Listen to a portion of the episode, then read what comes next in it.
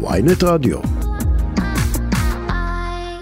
הילה מור זהבי, אה, שהיא פעילה בתנועת אה, בונות האלטרנטיבה, משפטנית שנמצאת עכשיו שם. שלום לך. שלום. תדווחי לנו האם יש כבר, דיברו על אחר הצהריים, אבל אתם כבר נמצאות שם?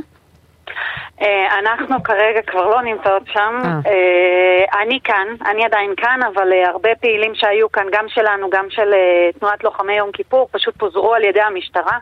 עמדנו כאן באמת בלי להפריע, רק לקבל את הפנים של המגיעים, של הטיסות הנוחתות, והתבקשנו לא כל כך בנימוס לעזוב. מה זה אומר לא כל כך בנימוס? אנחנו אנשים, כאמור, שפחות כנועות, הורדנו את הגלימות והלכנו, לוחמי כיפור אה, נדחפו החוצה אל מחוץ ל- לטרמינל כדי להיות אה, מחוץ לשטח ה... אבל למה הורדתם את הגלימות? הפנים. מה עשו? מה, איך המשטרה התמודדה עם זה? היא רק ביקשה מכם לזוז, או שהיה מהלך יותר אה, אגרסיבי? איתנו לא היה מהלך יותר אגרסיבי, עם לוחמי כיפור היה אה, הבהרה שאינה משתמעת לשני פנים.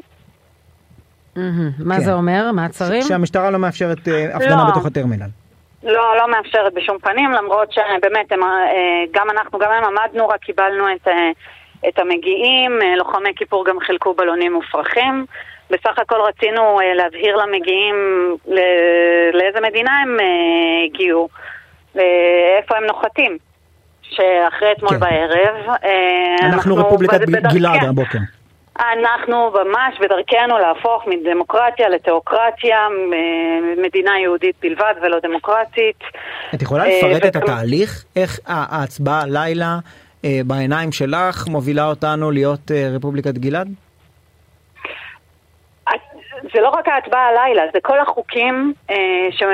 שהולכים לעבור ב... לא רק בהקשר של הסבירות ולא רק בהקשר של ההפיכה המשפטית, אלא למשל בהקשר של הרבנות הראשית, בהקשר של אה, הרחבת אה, סמכויות בתי הדין לא הרבניים. דחיית הבחירות ב- ב- ברבנות הראשית?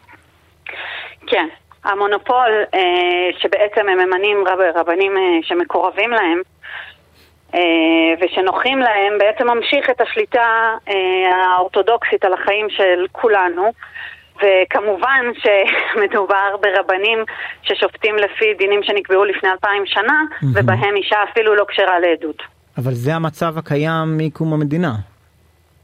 זה המצב הקיים מקום המדינה. זאת אומרת, מקום לא אבל המדינה אנחנו- מתק- אחד אנחנו העולם- בדרכנו לרפובליקת לא, גלעד? לא, אני אחד מנסה להבין. העולם, העולם מתקדם, ושתיים, אנחנו ראינו דיון אתמול בכנסת על הפרדה, אנחנו נראה תהליכים, כל הזמן כרסום וכרסום וכרסום, כי אנחנו. רואים מה הכוונה של הממשלה לא הבנתי, הזו. הדיון אתמול על- בכנסת על היה- הפרדה היה- מגדרית, שלא על- שיתפו נשים בדיונים הדיון האלה. אתמול בכנסת, בדיוק, בלי ארגוני הנשים, זה מדהים שעושים דיון על הזכות להפרדה מגדרית בלי ארגוני נשים רלוונטיים. בלי שיישמע בכלל הקול הנשי. ארגוני נשים חרדיות? אפילו, אני לא שוב, מדברת על נשים כן, שוב חילוניות. אני נכון, שואל. איך אנחנו בדרך לרפובליקת גלעד. כשאין עליהם שום בקרות שקשורות להגנה על עקרון השוויון.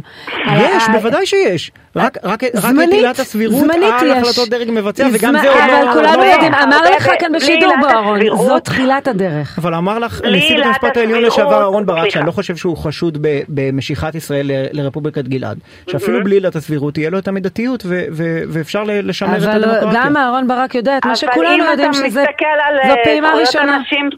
אם אתה מסתכל על זכויות הנשים שרק בית המשפט קידם אותן ורק בית המשפט אה, קבע אותן, אז בלי עילת הסבירות לא היה לנו גם את אליס מילר ולא היה לנו אה, ייצוג נשי בוועדות ציבוריות.